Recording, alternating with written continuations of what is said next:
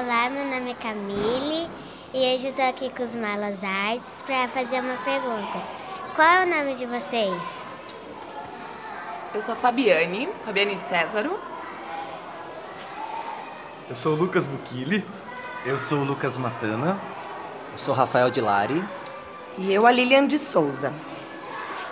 Então, agora é a vez da Camila ainda falar mais algumas, algumas coisas.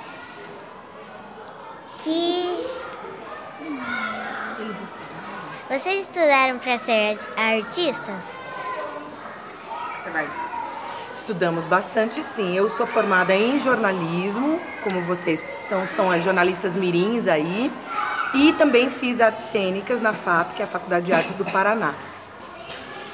É, eu sou formado em artes cênicas também. Eu também. eu também. Eu também. Agora passamos para a jornalista Bianca. Boa tarde, meu nome é Bianca, eu tenho 9 anos e como vocês sabem, eu estudo no SADI. Eu estudo um dia inteiro, mas às vezes eu só venho de tarde.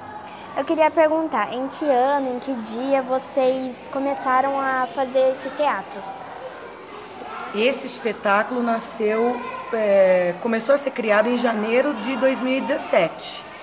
E a gente teve a estreia dele em, março, em maio de 2017 no litoral, em três cidades do litoral, que foi é, Matinhos, Mat... Guaratuba e Pontal do Paraná. Isso, Matinhos, Guaratuba e Pontal do Paraná. Obrigada. Agora passamos para a jornalista Gabriele. Boa tarde, meu nome é Gabriela, eu tenho 9 anos e eu estudo no Colégio de Souza. Eu estou aqui para fazer uma pergunta. É, que recado vocês daria para as crianças que gostaram da arte de vocês e queriam seguir o mesmo caminho? Ai, gente, o que, que eu falo? Que recado que a gente dá? Que é, uma, é, é, é muito prazeroso, é divertido mas dá trabalho também. É, então tem que estudar bastante, tem que ler muito, entrar em contato com a, as bibliotecas, os livros, as histórias populares. Acho que é isso, né?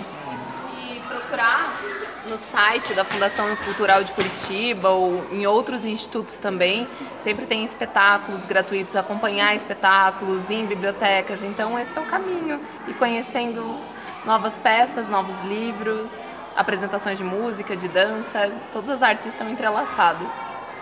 Obrigada pela atenção. Então vamos ficando por aqui e vamos passar agora para a jornalista Camille para dar o ok para a gente terminar. Eu vou fazer mais uma pergunta. Por que, que vocês é, criaram o Teatro do Malas Artes? É, porque foi um resgate da cultura popular brasileira que é essa figura, né? Rafa, fale um pouquinho. É, o Pedro Malazartes, ele é um personagem que faz parte do folclore brasileiro, não só brasileiro, mas também de outros países.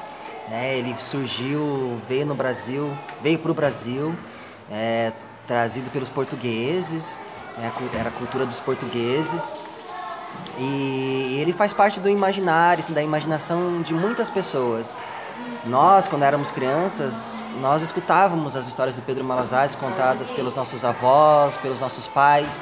Então a gente tinha, tem, tem muito carinho por essas histórias e a gente queria compartilhar um pouco dessas histórias para as novas gerações como vocês, né, de outras idades, para que vocês também pudessem conhecer essas histórias.